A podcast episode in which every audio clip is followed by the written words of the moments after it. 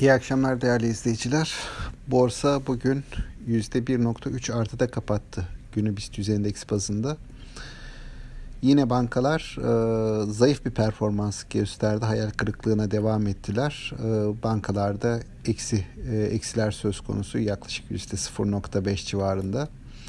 E, buna karşılık bugünkü endeksi sürükleyen hisselere baktığımız zaman genelde teknoloji tarafındaki hisseler ağırlıklı dayanıklı tüketim yani elektronik, e, Vestel, e, Arçelik gibi hisseler ön planda.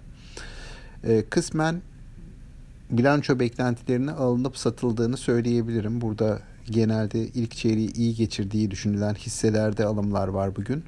Ve bu hisseler genelde sanayi sektör tarafında. E, bankalar tarafında da aslında ilk çeyrek sonuçları fena değil ama bankalar tarafında gerek bu halka arzların e, baskısı gerekse de yabancı yatırımcıların hala süren satış baskısı olduğunu düşünüyorum.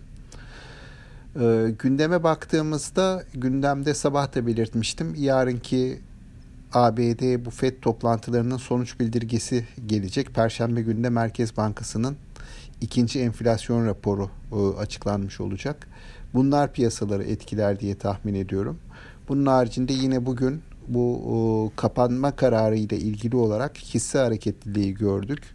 Malum Nisan ayının ortasına kadar bir e, tedbirlerin Covid-19'la mücadele tedbirlerinin sıklaştırılacağı bir dönem yaşayacağız. E, bu dönemin sonunda umarım e, bu turizm sektörü açısından e, olumlu sonuçlar elde edilir. Hem vaka sayıları hem de aşılanma oranı açısından ki piyasa bunları satın almaya başladı yavaş yavaş bu ihtimalleri. Ben eğer burada daha iyi rakamlar görecek olursak hem e, aşı sayılarında hem de vaka sayılarındaki düşüşte e, geri planda kalan hava yolu şirketlerinde e, bugünkü yükselişin devam edeceğini düşünüyorum.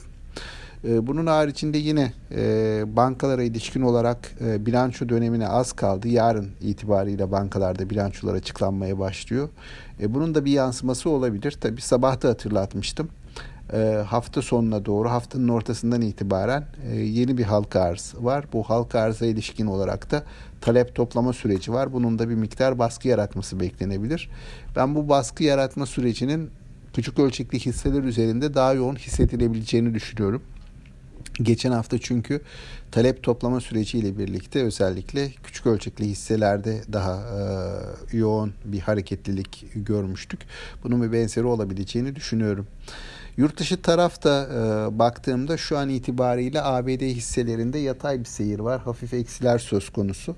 Orada da Amerika tarafında da bankacılık hisseleri yükselişini devam ettirirken daha önceki primli hisselerde, primli sektörlerde satışlar var bir miktar.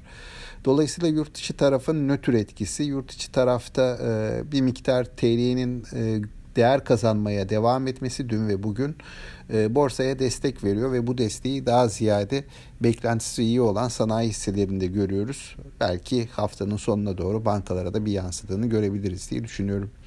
Günün sonunda aktaracaklarım bunlar değerli izleyiciler. Sağlıklı, bol ve bereketli kazançlı günler dilerim. Yeniden görüşmek üzere.